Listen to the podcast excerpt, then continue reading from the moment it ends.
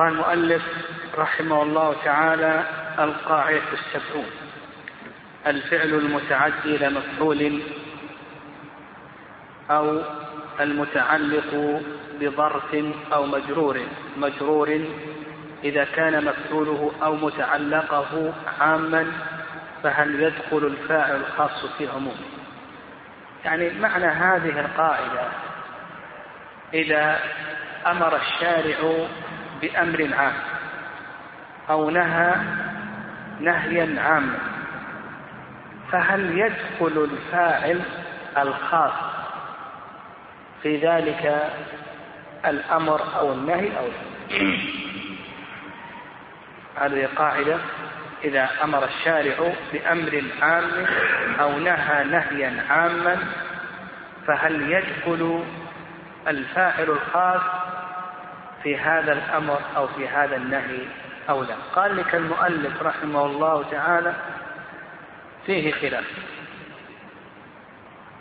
فهل يدخل الخاص في عمومه أو يكون ذكر الفاعل قرينة مخرجة له من العموم أو يختلف ذلك بحسب اختلاف القرائن؟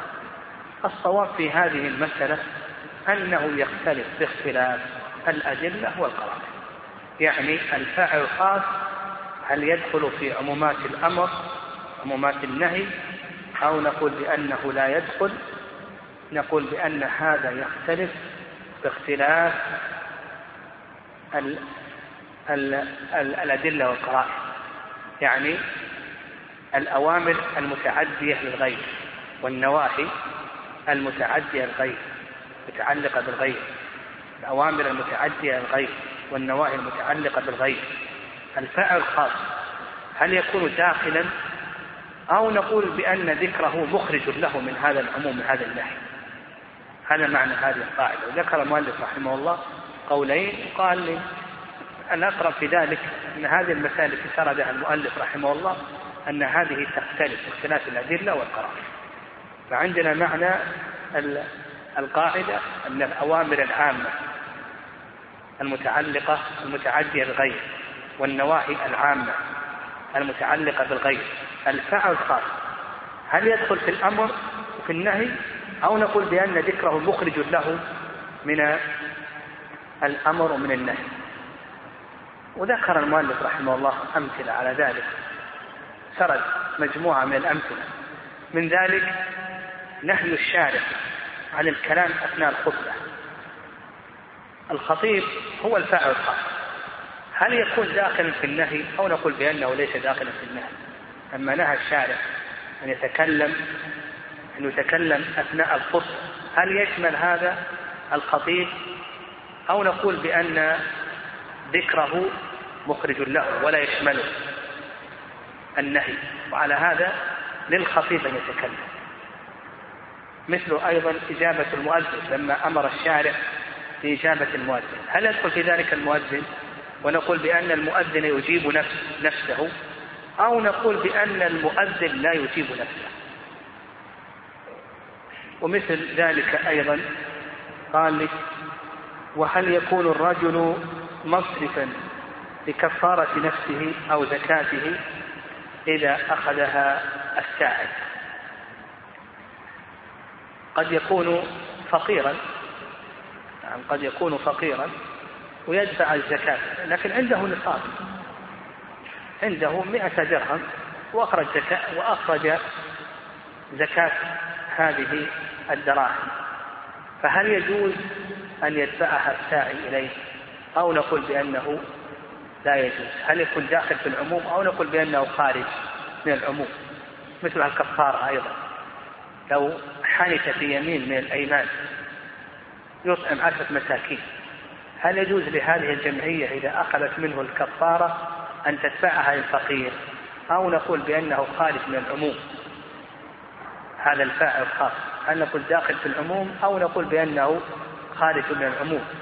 مثله أيضا وهل يكون الواقف مصرفا لوقفه لو قال هذا وقف على طلبة العلم وهو من طلبة العلم هل يأخذ منه أو لا يأخذ؟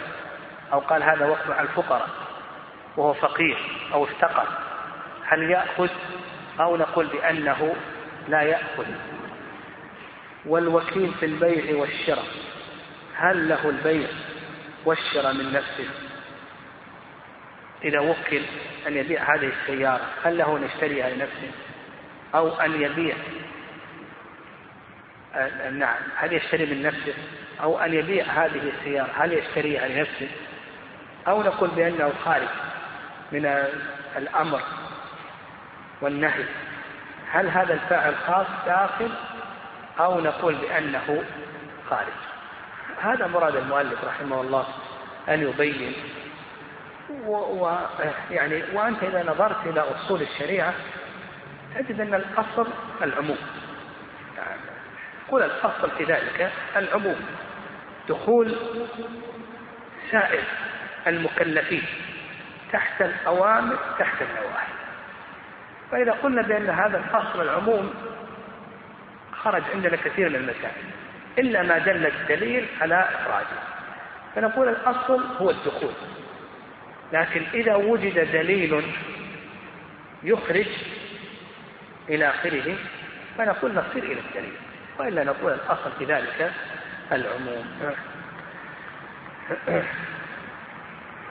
فمثلا الكلام والإمام يخطب الأصل العموم وأن النهي لكن وجد الدليل أن النبي صلى الله عليه وسلم تكلم في أثناء الخطبة. الأمر بإجابة المؤذن الأصل العموم لكن نقول ال ال وجد الدليل عن أن المؤذن لا يجيب نفسه أن المؤذن لا يجيب نفسه لأن الأذان كاف عن عن إعادته مرة أخرى. كونه يتلفظ بهذه الأذكار هذه كافية عن إعادتها مرة أخرى. هل يكون الرجل مصرفا لكفارة نفسه أو زكاته إذا أخذها الساعي؟ يعني إذا دفعها الساعي مرة أخرى نقول الأصل في ذلك الأصل في ذلك العموم.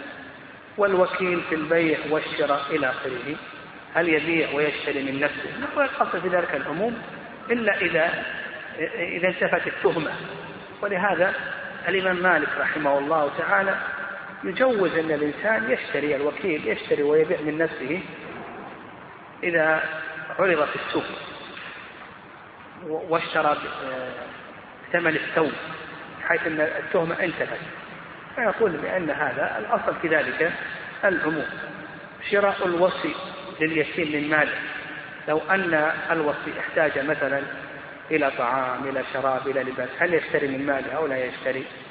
يكون الأصل في ذلك العموم لكن لا بد من انتفاء التهمة. والوكيل في نكاح امرأة لا يتزوجه الأصل الحلم وأن له أن يتزوج هذه المرأة. فإذا وكل في نكاح هذه المرأة فنقول له أن يتزوجها وإذا عمل أحد الشريكين في مال الشركة عملا يملك الاستئجار عليه ودفع الأجرة فهل له أن يأخذ الأجرة أم لا؟ يعني إذا ملك الشريك أن يستأجر شخصا لكي يعمل عملا للشركة فهل له أن يعمل هذا العمل ويأخذ الأجرة إلى آخره؟ يقول الأصل في ذلك العموم إلا إذا دلت القرائن على أنه ليس له ذلك والموصى إليه بإخراج مال لمن يحج أو يغزو. ليس له أن يأخذه ويحج به ويغزو. إلى آخره. لو أنه وصي إلى شخص أن يدفع مالا لمن يحج عن هذا الميت أو يد أو يد أو أن يدفعه لمن يجاهد إلى آخره. فهل له أن يأخذ هذا المال ويحج أو يغزو إلى آخره؟ أو نقول ليس له ذلك؟ نقول الأصل في ذلك العموم إلا إذا وجد ما يدل على الإخراج من هذا العموم. والمأذون له يتصدق بمال إذا كان من أهل الصدقة. وإذا وكل وإذا وكل غريمه أن يبرئ غرماءه. والأموال التي فيها الصدقة شرعا للجهل بأربابها إلى آخره. المهم أن مثل هذه الأشياء الأصل فيها العموم إلا إذا ورد وجد الدليل الدال على إخراج هذا الفاعل الخاص. ومنها لو وصى لعبده بثلث ماله دخل في الوصية ثلث العبد نفسه فيعتق عليه نص عليه ويكمل عتقه من باقي الوصية. أو وصى لعبده بمشاة. كالثلث أو الربع دخل في ذلك الرقيق وعتق ربعه. ثم بعد ذلك سار العتق إلى باقيه فيكمل من الوصية. مثلا وصى له بالثلث. الثلث يساوي عشرة ألاف ومن ضمنها ثلث العبد. يعتق ثلث العبد. ثلث العبد بألف. يبقى له تسعة آلاف يسري العتق إلى بقية العبد ونخصم قيمة الثلثين ألفين. فيعتق الرقيق ويبقى له كم؟ سبعة. يعني يبقى له سبعة آلاف. يعني فهنا الرقيق دخل دخل في الوصية. نعم الرقيق هنا دخل في الوصية ووصى له بثلثه فدخل الرقيق في ثلث الوصية. فيملك من نفسه ثلثها فيعتق عنه. يعتق هذا الثلث ثم يكمل الثلثان الباقيان من بقية الثلث الموصى به. قال المؤلف رحمه الله تعالى القاعدة الحادية والسبعون. فيما يجوز له الأكل منه من أموال الناس بغير إذن مستحقها وهي نوعان مملوك تعلق به حق الغير ومملوك للغير. هذه القاعدة في الأكل من أموال الناس دون إذن. يعني متى يجوز للشخص أن يأكل من مال غير؟ ومتى لا يجوز له أن يأكل من مال غير؟ وقسم المؤلف رحمه الله قال نوعان مملوك تعلق به حق الغير مثل الزكاة. الزكاة مملوكة لك. يعني الزروع والثمار مملوكة لك تعلق به حق الغير وهم الفقراء والقسم الثاني مملوك للغير مثل مال اليتيم. مال اليتيم مملوك اليتيم. ومن كان فقيرا فليأكل بالمعروف من كان غنيا فليستعفف من كان فقيرا فليأكل بالمعروف. متى يجوز للشخص أن يأكل من هذه الأموال ومتى لا يجوز له أن يأكل من هذه الأموال؟ يعني التي لم يأذن أصحابها في الأكل. نقول بأن هذا ينقسم إلى أقسام. هذا ينقسم إلى تقريبا عشرة أقسام إلى عشرة أقسام. القسم الأول مال الزكاة. فيجوز الأكل مما تسوق إليه النفوس. ويشق الانكفاف عنه من الثمار بقدر ما يحتاج إليه من ذلك ويطعم الأهل والضيفان ولا يحتسب زكاته. ولذلك يجب على الخالص أن يدع الثلث أو الربع بحسب ما يقتضيه الحال من كثرة الحاجة وقلتها كما دلت عليه السنة. نعم هذا القسم الأول. يقول لك المؤلف رحمه الله مال الزكاة يعني الزروع والثمار. الثمار كالتمر والزيتون والتين ونحو ذلك والفستق والبندق إلى آخره. هذه أموال زكوية. والزروع مثل البر والشعير والدخن والعدس إلى آخره. هذه أموال زكوية. فهل لك أن تأكل منها أو نقول اخرج الزكاة أولا ثم كل؟ فهل لك أن تأكل مع أن الزكاة تجب عليك؟ أو نقول أنك حسب الزكاة تخرج الزكاة ثم تأكل أو يجوز لك أن تأكل. فهذه مملوكة لك تعلق بها حق ماذا؟ الفقراء قال لك المؤلف رحمه الله يجوز لك تأكل من هذه الزروع والثمار ما تسوق إليه نفسك. ويشق الانكفاف عنه من الثمار بقدر ما يحتاج إليه. يعني يقول لك المؤلف يجوز لك أن تأكل بقدر ما تشتاق إليه ويشق الانكفاف عنه. وتطعم الأهل والضيفان من الثمار. تطعم الأهل والضيفان وكذلك أيضا تأكل إلى آخره وإن كنت ما أخرجت الزكاة. وإن كانت بتنقص لا شك أنه إذا نقصت هذه الثمار ستنقص ماذا؟ تنقص الزكاة. لكن هذا يقول لك يرخص لك. فتأكل ما تشتاق إليه ويشق عليك أن تنكف عنه. وما تطعم أهلك وضيفانك هذا جائز واستدل المؤلف رحمه الله قال ولهذا يجب على الخالص أن يدع الثلث أو الربع حسب ما تقضيه الحال. حيث سهل ان النبي صلى الله عليه وسلم قال إذا خرجتم فدعوا الثلث أو الربع. فدعوا الثلث أو الربع. آه، آه، وقولها الثلث أو الربع إلى آخره. هل هو على سبيل التخيير وأن هذا راجع إلى الخارج إن شاء ترك الربع وإن شاء ترك الثلث. قال لك المؤلف رحمه الله بحسب ما تقتضيه الحال. فإذا كانت حال هذا الشخص عنده أولاد كثيرون وعنده ضيفان وأصابت أمواله شيء من الآفات والجوائح إلى آخره فإنه يدع الثلث. وإذا كان على خلاف ذلك فإن الخالص يدع الربع يعني يدع الربع بلا خرج. يعني يتركه لصاحب الزكاة المال. فيدع الثلث أو الربع هذا بحسب الحال.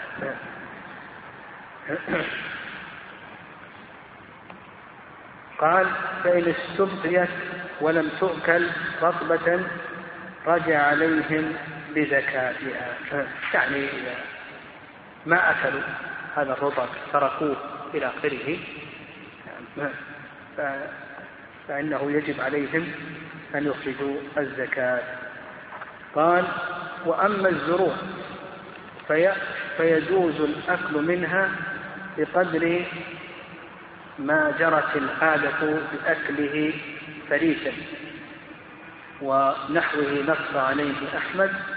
وليس له إلا هذا منها وخرج القاضي في الأكل منها وجهين من الأكل من الزروع التي ليس لها حافظ نعم بالنسبة للزروع وقال لك الثمار تأكل من الثمار قدر ما تحتاج إليه ويشق عنك الانكفاف عنه وتطعم أهلك تطعم ضيفانك لأن النبي صلى الله عليه وسلم رخص لك للخالق أنه يدع الثلث أو الربع. هذا بالنسبة للثمار لكن بالنسبة للزروع بالنسبة للحبوب ما هو قدر ما يجوز لك أن تأكل منه؟ قال المؤلف رحمه الله تعالى هذا ينقسم إلى فيه قولان. بالنسبة للزروع الحبوب قدر ما يباح لك أن تأكل منه. قال لك المؤلف رحمه الله تعالى هذا فيه قولان. القول الأول أنك تأكل بقدر ما جرت العادة بأكله فريكا. قول أول أنك تأكل بقدر ما جرت العادة أنك تأكل فريكا. والفريك نعم. الفريك هو السنبل يعني يؤخذ السنبل ثم بعد ذلك يفرك. يعني يؤخذ السنبل ثم يفرك ثم يؤكل هذا الحب.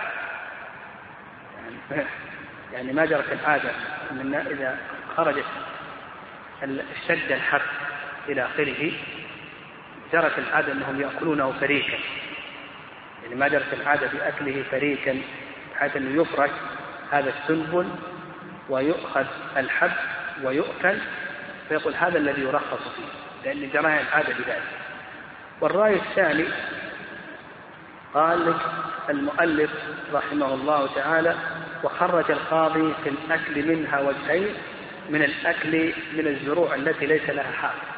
يعني الزروع التي ليس لها حافظ فيها وجهان. وجه الأول أنك ما تأكل إلا بقدر الحاجة. والوجه الثاني أنك تأكل حتى وإن لم تكن هناك حاجة. وعلى هذا يكون في الزروع قولان. القول الثاني تأكل ما جرت العادة بأكله فريكا وإن لم يكن هناك حاجة. والرأي الثاني أنك ما تأكل إلا عند الحاجة. فالزروع فيها رأيان. الرأي الأول ما جرت العادة بأكله فريقا. عند اشتداد الزروع فإنها تفرق ويؤكل منها يعني يبادر في الأكل منها فإن هذا جائز ولا بأس به قدر العادة. والرأي الثاني أنك ما تأكل من الزروع إلا عند الحاجة فقط. ما عدا ذلك فإنه ليس لك أن تأكل. طيب. هذا القسم الأول ما يتعلق بأموال الزكاة. تبين لنا أن هذه الأموال الزكوية إما أن تكون زروعا وإما أن تكون ثمارا فإن كانت ثمارا فتطعم الأهل والضيفان تأكل ما تحتاج إليه ويشق الانكفاف عنه. وأما الزروع ففيها الرأيان أنه عند الحاجة أو أنك تأكل ما جرت العادة بأكله فريسا هذا القسم الأول. القسم الثاني قال لك فأما ما له مالك غير معين كالهدي والأضاحي فيجوز لمن هي في يده وهو المهدي والمضحي أن يأكل منها ويدخر ويهدي. وهل له وهل له وهل يجوز أكل أكثر من الثلث أم لا على وجهين؟ أشهرهما الجواز هذا القسم الثاني. وش قدر ما تأكل من الهدي؟ هدي التمتع وهدي القران. وش قدر ما تأكل من الأضحية المشهور من مذهب الإمام أحمد أنك تأكل ثلثا على سبيل الاستحسان أنك تأكل ثلثا وتهدي ثلثا وتصدق بثلث. يقول الإمام أحمد رحمه الله أذهب إلى حديث عبد الله يعني عبد الله بن مسعود. يأكل ثلثا ويهدي ثلثا ويتصدق بثلث. هذا المشهور هذا هذا على سبيل الاستحلال على سبيل الجواز لك أن تأكل الأضحية كلها لكن تتصدق بقدر أوقية. يعني بقدر أوقية. والأوقية تساوي أربعين درهما. تساوي أربعين درهما. هم يقول إذا أكلت الأضحية كلها جاز لكن تصدق بقدر أوقية والأوقية تساوي أربعين درهم من الفضة. أربعين درهم من الفضة حولها إلى مساقين كل عشرة دراهم سبعة مساقين فتصير كم تساوي بالمساقين 28 مثقال. يعني كل عشرة دراهم تساوي سبعة مساقين المثقال الواحد وزنه بالغرامات أربع ربع. اضرب 28 بأربع ربع. كم يصير عندك؟ يصير عندك تقريبا 130 غرام. يعني تصدق ال 130 غرام من اللحم. إذا أكلتها كلها يجزئ وتصدق بقدر أوقية 130 غرام من اللحم تقريبا. 28 مثقال بأربع ربع نعم بأربع ربع والناجز هو الذي يجب عليك أن تخرجه. وقال بعض العلماء تخرج ما يقع عليك من اللحم. المهم ما يتعلق بالهدي والأضاحي الأكل ينقسم إلى قسمين القسم الأول المستحب أن تأكل ثلثا وتهدي ثلثا وتصدق بثلث والقسم الثالث الجواز.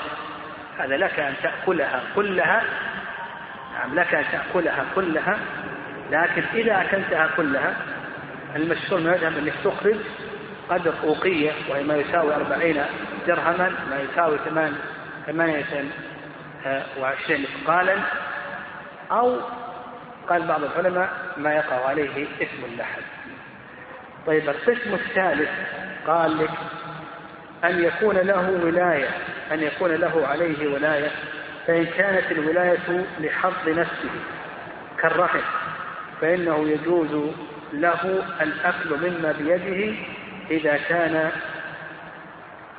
درا والانتفاع بظهره إذا كان مطلوبا لكن بشرط أن يعاوض عنه بالنفقة وهذا القسم دليله قول النبي صلى الله عليه وسلم الظهر يركب بنفقته إذا كان مركوبا ولبن الدر يشرب بنفقته إذا كان مشكوبا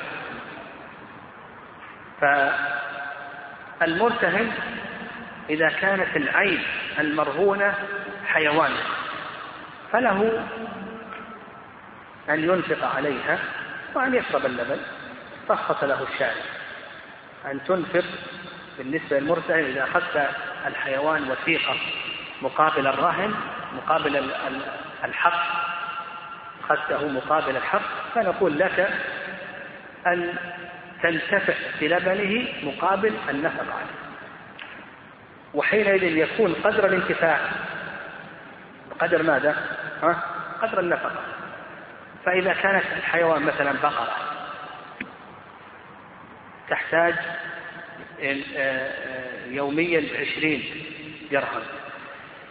فأنت اشرب من لبنه القدر عشرين. إن شربت أزيد من ذلك تحسبه لمالكها الراهن وإن احتاجت نفقة أكثر من ذلك تحسبه على المالك. الظلم بالظلم.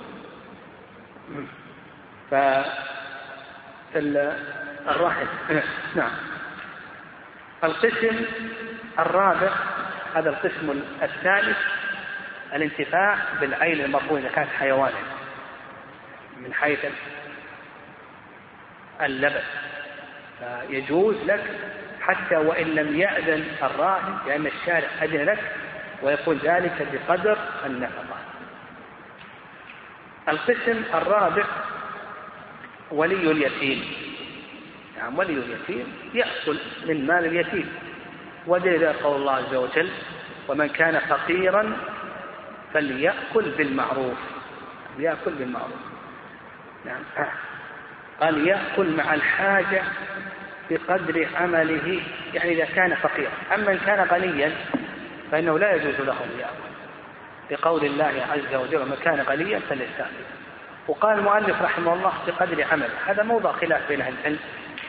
ولي اليتيم هل يأكل بقدر العمل أو يأكل بقدر كفايته؟ يعني هل يأكل بقدر أجرته؟ ولنفرض أن أجرته في الشهر ألف ريال إذا تولى على هذا اليتيم فهل يأكل بقدر ألف ريال؟ أو نقول يأكل بقدر كفايته قد تكون كفايته في الشهر 500 فهل يأكل بقدر الكفاية؟ أو يأكل بقدر الأجرة. كلام المؤلف أنه يأكل بماذا؟ بقدر الأجرة لأنه قال بقدر عمله. يعني بقدر عمله. والصواب في ذلك وهو الأحوط لمال اليتيم أنه يأكل بقدر الأقل. الأقل من الكفاية أو من ماذا؟ أو من الأجرة. يأكل بقدر الأقل من كفايته أو من أجرته. فينظر الأقل. فأيهما كان أقل فإنه يأكل بقدره. قال وهل يرد إذا أيسر على روايته صحيح أنه لا يرد. يعني لو أن هذا الفقير أكل مدة عشر سنوات. لذلك الله عز وجل رزقه أيسر. هل يكون ذلك قرضا في ذمته؟ أو نقول بأنه لا يكون قرضا في ذمته؟ لا يكون قرضا في ذمته. والقاعدة أن ما ترتب على المأذون غير مضمون وهو قد أذي له في الأكل فلا يضمن. قال وأمين الحاكم أو الحاكم إذا نظر في مال اليتيم. القاضي إذا نظر في مال اليتيم ومثله أمين إذا نظر حكم حكم ولي اليتيم. قال وناظر الوقف والصدقات. نعم ناظر الوقف هل له أن يأكل أو ليس؟ له هذا القسم الخامس. القسم الخامس ناظر وقف ولنفرض أن الوقف أشجار تثمر أو مثلا زروع إلى آخره أو مثلا تراحم وأموال. فهل له أن يأكل؟ ناظر الوقف يأخذ ويأكل. أو نقول بأنه ليس له أن يأكل. بالنسبة لناظر الوقت هل يأكل أو لا يأكل؟ إلى آخره. المذهب أنه يأكل. ناظر الوقت أنه يأكل آه، بقدر نفقته. آه، ومثله أيضا ناظر الصدقات. هل له أن يأكل أو لا يأكل؟ إلى آخره. الذي ينظر على الصدقات ويحفظ الصدقات ونحو ذلك هل يأكل أو لا يأكل إلى آخره؟ نقول بأنه له أن يأكل نعم وهذا هو المذهب. نعم ناظر الصدقات والأوقاف نعم لهم أن يأكلوا. قال والوكيل والأجير والمعروف منعهما. الوكيل. هل له أن يأكل أو ليس له أن يأكل إذا وكل في البيع والشراء؟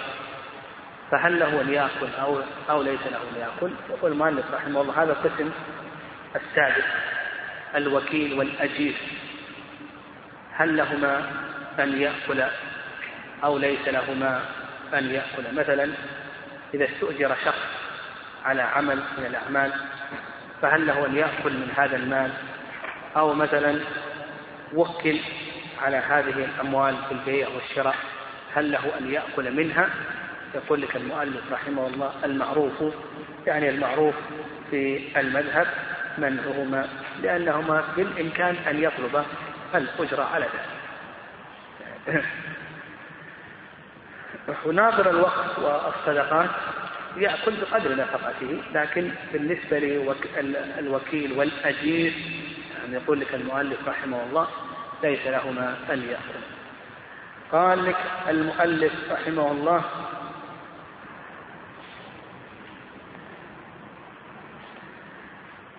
الأكل من الأطعمة في دار الحرب هذا القسم السابع.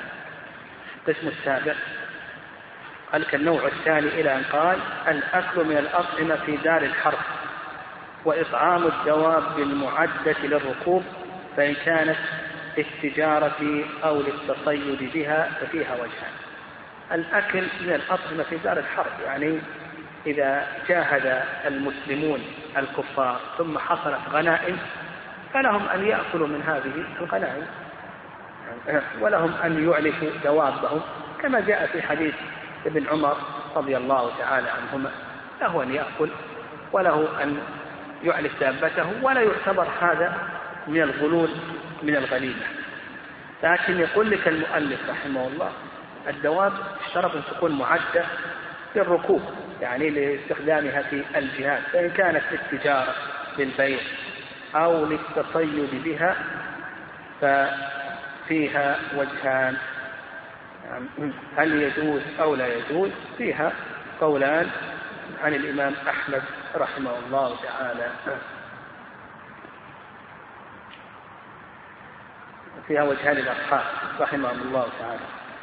قال لك ومنها إذا مر بثمرة غير محوط عليها ولا عليه ناظر فله أن يأكل منه مع الحاجة وعدمها ولا يحمل على الصحيح من المذهب ولا فرق بين المتساقط بالأرض والذي على الشجر هذا القسم الثامن.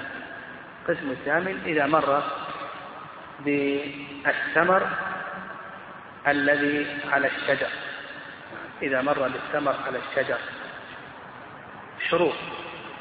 وهذا من المفردات مفردات المذهب. وإلا جمهور أهل العلم ما يرون أنك تأكل لكن إذا مريت بالثمرة اشترط أن لا يكون هذه الثمرة قد فوض عليها ولا عليها ناظر وألا يرمي وألا يأكل من المجموع.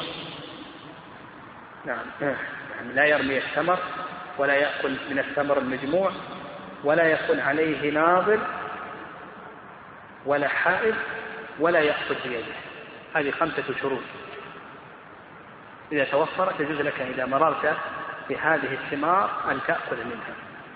ويدل لذلك حديث رافع بن خديج وروده أيضا عن الصحابة رضي الله تعالى عنهم. فتلخص لنا أن الأكل من الأموال التي لم يؤذن فيها أو لم يأذن فيها أربابها أنه ينقسم إلى هذه الأقسام التسعة. أما الزروع إذا مررت بالزروع فهل لك أن تأكل أو ليس لك أن تأكل؟ فيه روايتان في المذهب يعني الثمار المذهب أنك تأكل. خلافا للجمهور وهو من المفردات لكن الزروع مثلا البر إذا مررت به أو الشعير ونحو ذلك فهل لك أن تأكل أو ليس لك أن تأكل؟ فيه روايتان في المذهب الرواية الأولى توافق قول الجمهور أنه ليس لك أن تأكل منها. والرواية الثانية أنه لا بأس أن تأكل. نعم. الرواية الأولى ما تأكل إلا مع الحاجة كما هو قول جمهور العلم رحمهم الله. والرأي الثاني أنك أن حكمها حكم الثمار وأنه لك أن تأكل. قال رحمه الله تعالى القاعدة الثانية والسبعون اشتراط النفقة والكسوة في العقود يقع على وجهين معاوضة وغير معاوضة.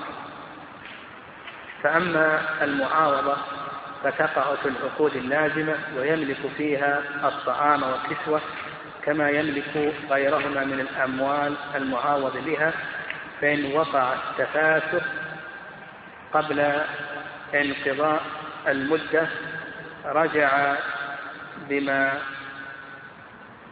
عجل منها إلا في نفقة زوجته وكسوتها فإن في الرجوع بها فإن في الرجوع بها ثلاثة أوسط ثالثها يرجع بالنفقة دون الكسوة. اشتراط النفقة والكسوة في العقود. قال لك المؤلف رحمه الله يقع على وجهين. الأصل الصحة. الأصل الصحة. يعني يصح أن تشترط النفقة. يعني يصح أن تشترط النفقة.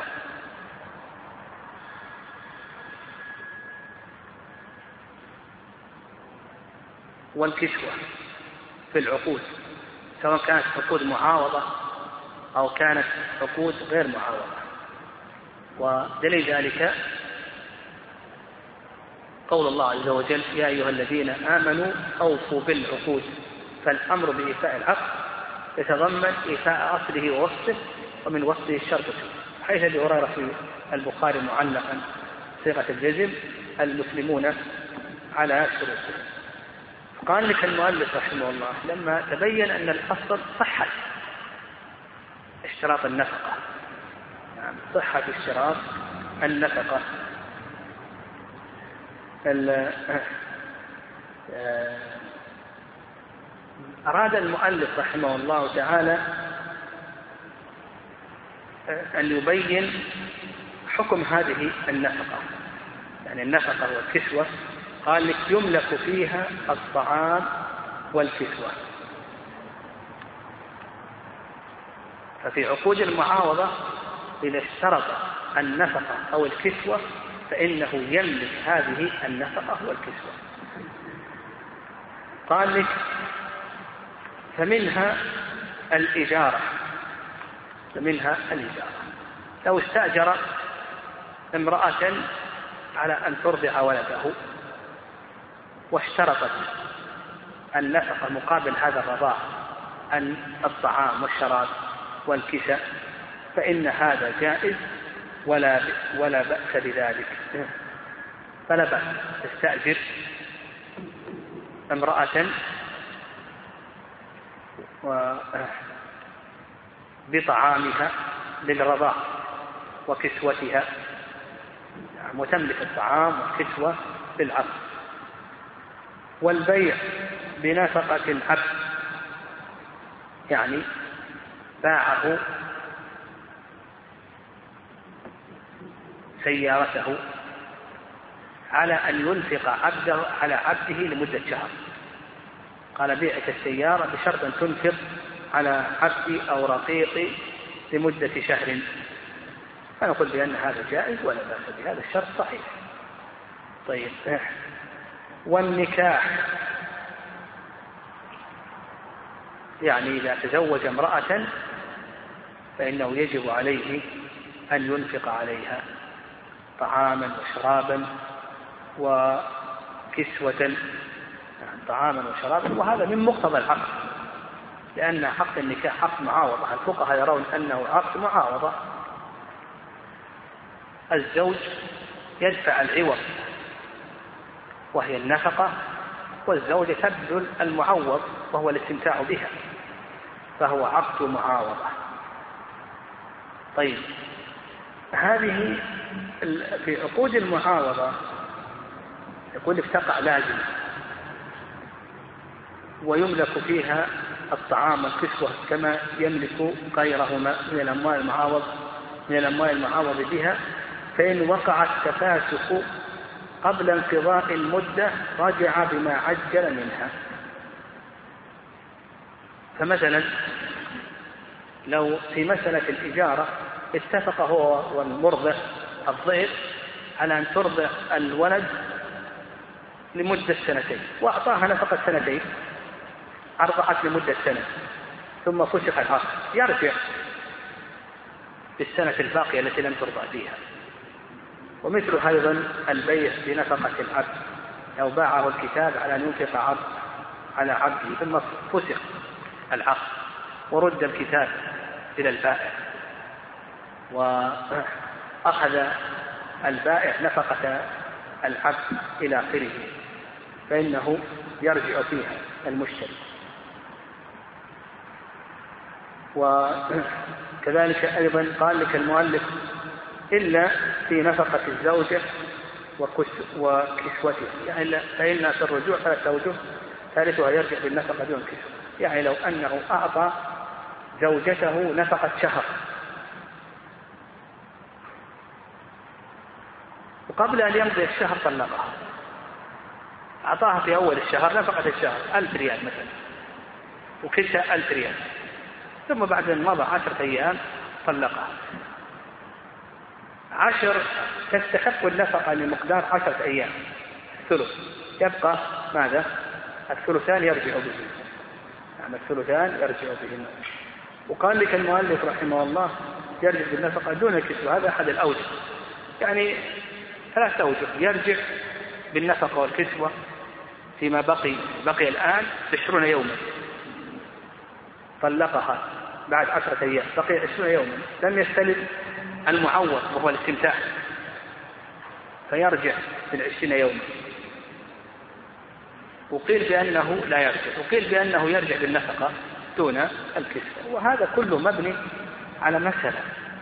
يعني مسألة يبنون يبني عليها الفقهاء كثيرا من المسائل. وهي أن النفقة بالنسبة للزوجة معاوضة. وهذه المعاوضة وهذا الأصل الذي يؤصلونه يرتبون عليه كثيرا من المسائل مثلا لو أن المرأة حبست هل تجب نفقتها ولا يقولون تسقط نفقتها. لماذا؟ لأن النفقة معاوضة هي ما بدلت العوض هي ما بدلت المعوض. تأخذ العوض النفقة ما بدلت المعوض والاستمتاع سافرت إلى آخره يقولون سقطت نفقتها. وهنا مثلا إلى آخره. يقول لك سقطت النفقة. فيبنون عليه مسائل كثيرة. والصحيح ابن القيم رحمه الله يقول نفقة الزوجة مواساة ليست معاوضة العوض حصل بالمهر. العوض حصل بالمهر. وعلى هذا لو أن المرأة حبست أو أن المرأة سافرت ونحو ذلك ما تسقط نفقتها. صحيح إذا نشزت تسقط نفقتها.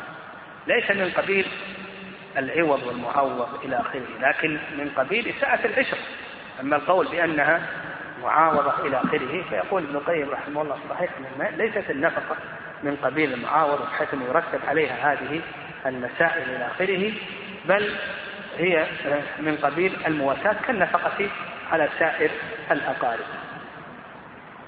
قال لك المؤلف رحمه الله وأما غير المعاوضة تبين المعاوضة عقد الإجارة البيع النكاح. قال لك وأما غير المعاوضة وأما غير المعاوضة فهو إباحة النفقة للعامل ما دام متلبسا بالعمل ويقع ذلك في العقود الجائزة إما في أصل الوضع. العقود الجائزة كما سبق لنا هي التي لكل واحد من المتعاقدين أن يفسخها مثل عقد الوكالة على المذهب عقد المساقات والمزارعة المضاربة الشركات. الجعالة إلى آخره أو لأنه لا تجوز المعاوضة عنه في الشرع مثل الحج. لا تجوز يعني القرب يعني ومنها الحج. يعني سائر القرب المذهب لا يجوز أخذ الأجرة على القرب العبادات. يعني من ذلك الحج. فقال لك المؤلف رحمه الله المضاربة والشركة والوكالة والمساقات والمزارعة. إذا شرط المضارب العامل قال أنا بشتغل بهذا المال لكن لي آكل وأشرب. هذا شرط صحيح. الشركة شريك في شركة العنان اشترك في محل. محل تجاري وقال كل منهما لي أن آكل وأشرب. فهذا شرط صحيح. الوكالة الوكيل إلى آخره المساقات المزارعة المساقة المزارعة. نعم. إذا قلنا بعدم لزومها إلى آخره. طيب هنا وش, وش له أن يأخذ؟ ها؟ يقول لك له ماذا؟ مقام ما دام أنه يعمل. لكن عقود المعاوضة ها؟ وش وش ماذا؟ يملكها. يملكها. هذا فقط ما دام أنه يعمل ينتفع بس أما الآخر فإنه يملك النفقة في عقود المعاوضة. بحيث إنه له أن ينتفع بها له أن يبيعها له أن يهبها إلى آخره. أما هنا فقط ينتفع ما دام أنه يعمل فهذا الفرق بين بين القسمين. نعم هذا الفرق بين القسمين. قال فهو إباحة النفقة للعامل ما دام متلبسا بالعمل. يعني هنا في العقود غير المعاوضة يباح لك انك تأكل بس. أما تبيع لا. لكن هناك ها؟ تبيع النفقة ها انك ملكت تبيع النفقة فالزوجة لا تبيع نفقتها البيع بنفقة العبد للبائع أن يبيع نفقة العبد إلى آخره. أو العبد نعم له أن يأذن له سيده أن يبيع هذه النفقة. ومثله أيضا الإجارة الضئر ملكتها. لها أن تأكلها لها أن تبيع. أما هنا فقط ينتفع. قال وما بقي معهم من النفقة والكسوة بعد فسخ هذه العقود هل يستقر ملكهم عليها أم لا؟ يحتمل ألا يستقر لأن ما يتناولونه إنما هو على وجه الإباحة لا على وجه الملك. فنفهم الفرق بين عقود المعاوضة وغير المعاوضة عقود المعاوضة ماذا؟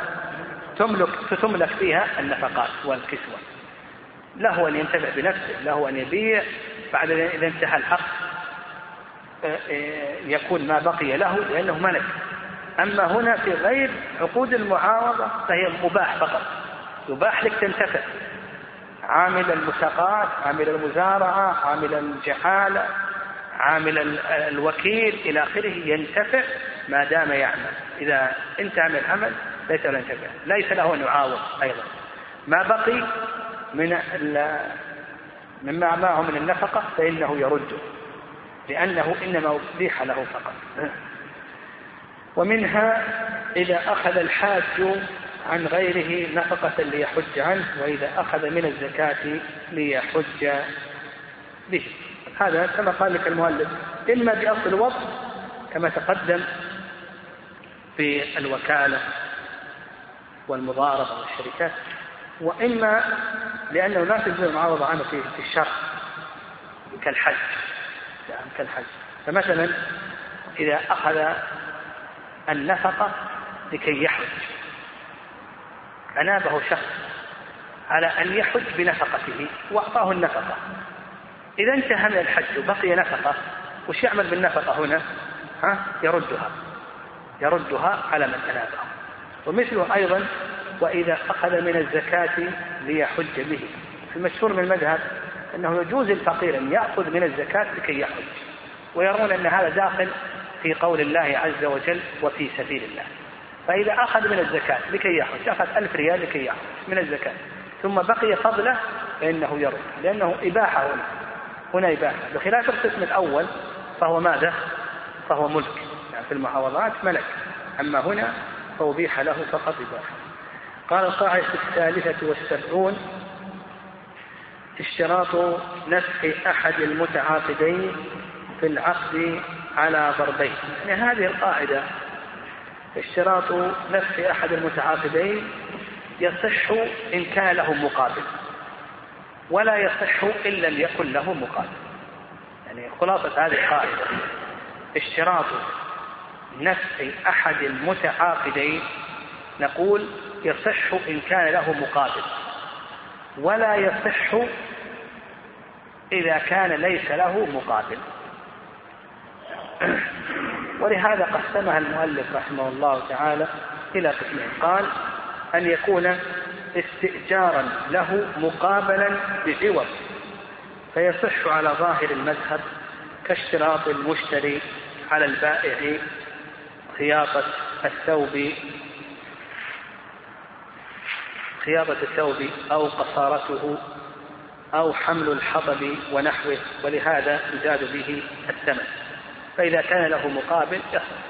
فيصح أن يشتري المشتري على البائع أن تخيط الثمن أو إصارة الثمن تبييض الثمن. القصار هو الذي يبيض الثياب. أو أن يحمل الحطب أو أن يكسره. هذه كلها يقول لك المؤلف رحمه الله بأنها جائزة لأنها لها مقابل. القسم الثاني إذا ما كان له مقابل يقول لك المؤلف لا يصح. ولهذا قال لك أن يكون إلزاما له لما لا يلزم بالعقد بحيث يجعل له يجعل له ذلك من مقتضى العقد ولوازمه مطلقا ولا يقابل بعوض. فلا يصح وله أمثلة. إذا لم يكن له مقابل يقول لك تشترط منفعة العاقد وليس له مقابل. يقول لك المؤلف لا يصح منها اشتراط مشتري الزرع القائم في الأرض حصاده البائع. إذا اشترى الزرع وقال أشترط عليك أيها البائع أنك تحصد الزرع. يقول لك المؤلف رحمه الله لا يصح. لماذا؟ لأنه ليس له مقابل. اشتراط أحد المتعاقدين في المساقات أو المزارعة على الآخر ما لا يلزمه بمقتضى العقد فلا يصح وفي فساد العقد به خلاف. في المساقات والمزارعة وش الذي يلزم العامل؟ وش الذي يلزم رب المال في باب المساقات والمزارعة؟ العلماء رحمه الله يذكرون قاعدة في باب المساقات والمزارعة يقولون العامل يلزمه كل ما فيه كل ما أو كل ما فيه صلاح الثمرة.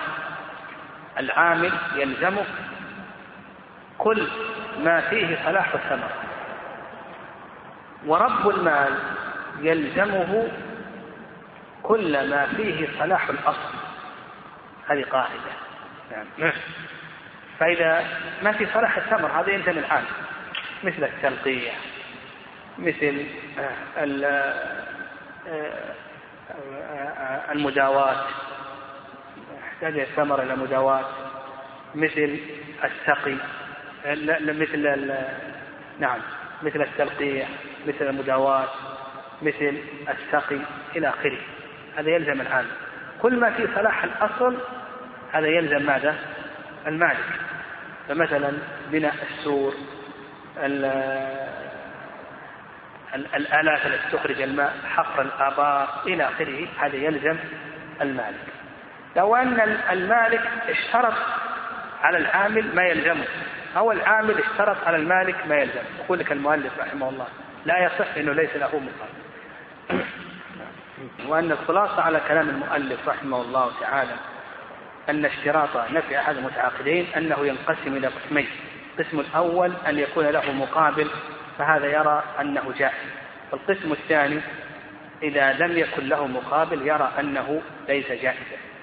وهذا ما ذهب إليه المؤلف رحمه الله. لكن على المذهب نعم على المذهب يرون أن الاشتراط أنه يصح اشتراط منفعة.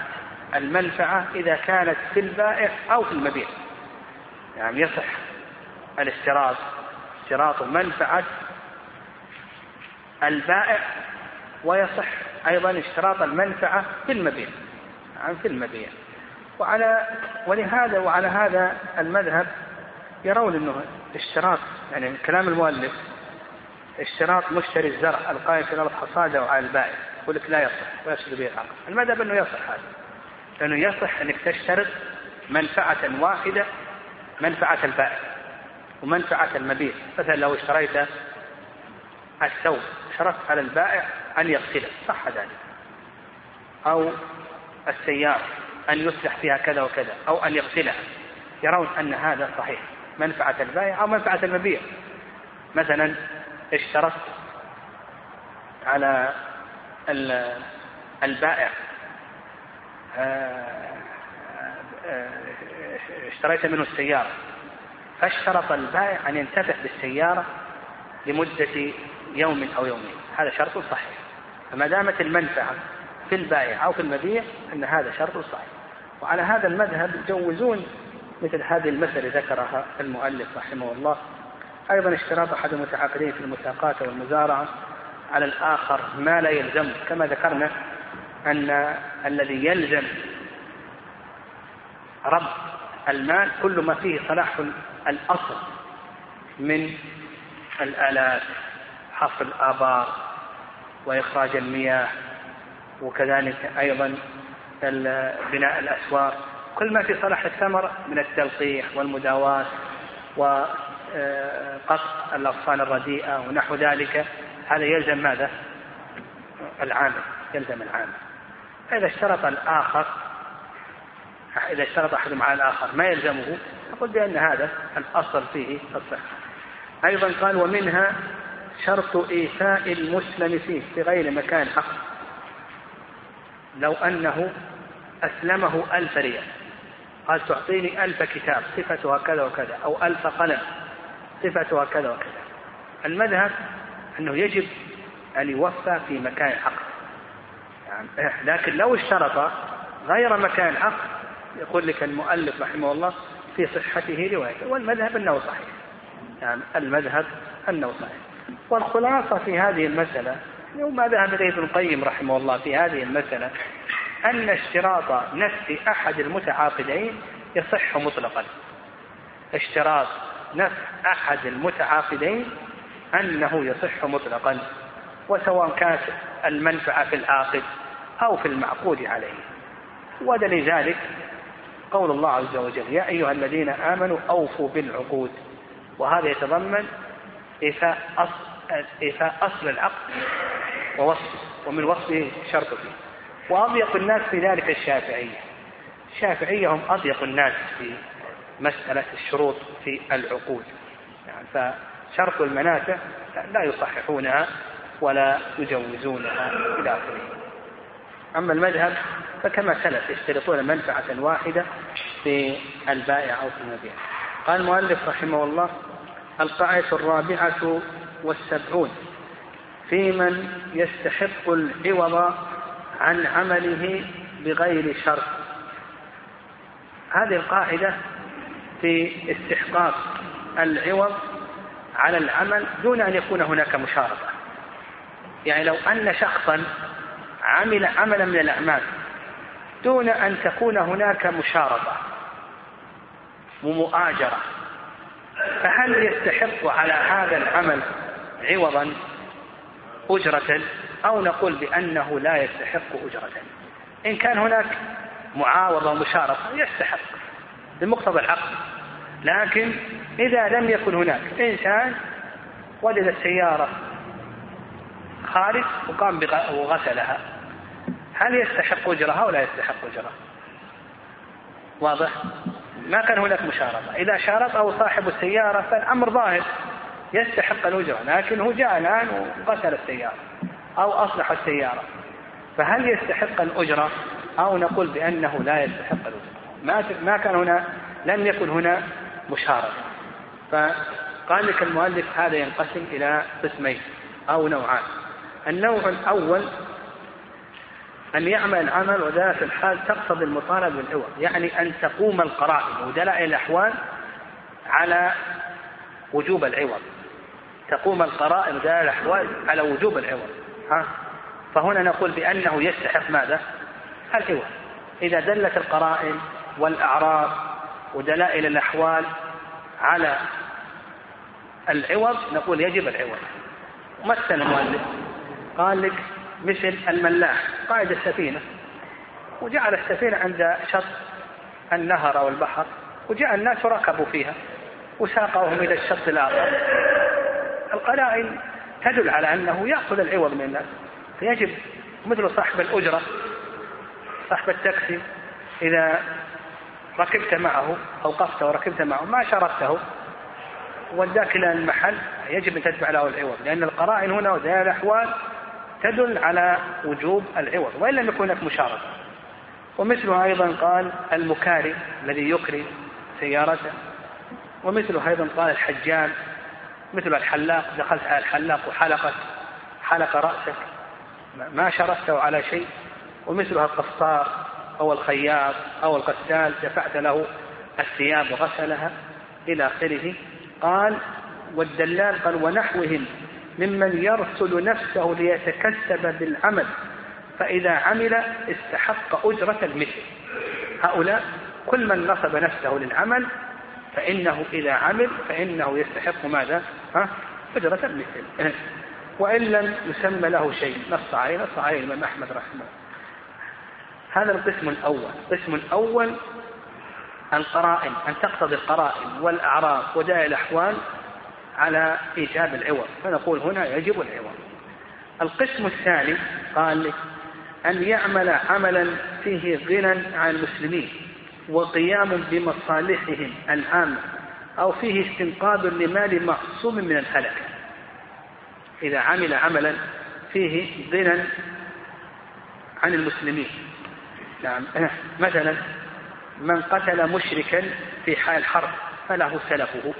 النبي صلى الله عليه وسلم قال من قتل قتيلا فله سلفه هذا هذا عمل فيه غنى يعني فيه نصرة للمسلمين.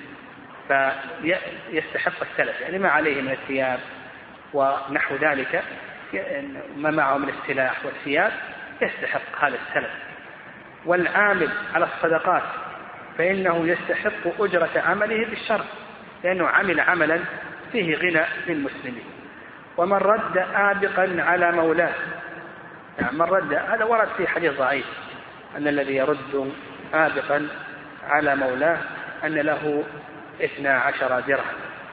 له اثنا عشر درهما والصحيح في ذلك أن من رد الآبق أو من رد المال الضائع على صاحبه صواب أنه لا يستحق شيئا لأن الحديث الوارد في ذلك ضعيف.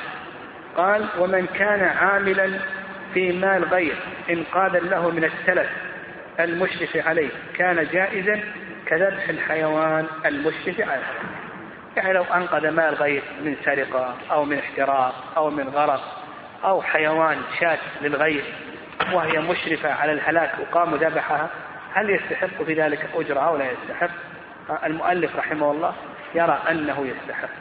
يعني وهذا ما ذهب إليه المؤلف والصحيح أنه لا يستحق لكن الذي دل عليه النص الذي دل عليه النص أنه يستحق الأجرة أن يعمل عملا فيه غنى عن المسلمين وقيام بمصالحهم العامة. فالذي يعمل ما فيه نصرة المسلمين إلى آخره أو يقوم بمصالحهم العامة هذا هو الذي يستحق الأجرة. ما عدا ذلك مما ذكره المؤلف رحمه الله فهذا فيه نظر.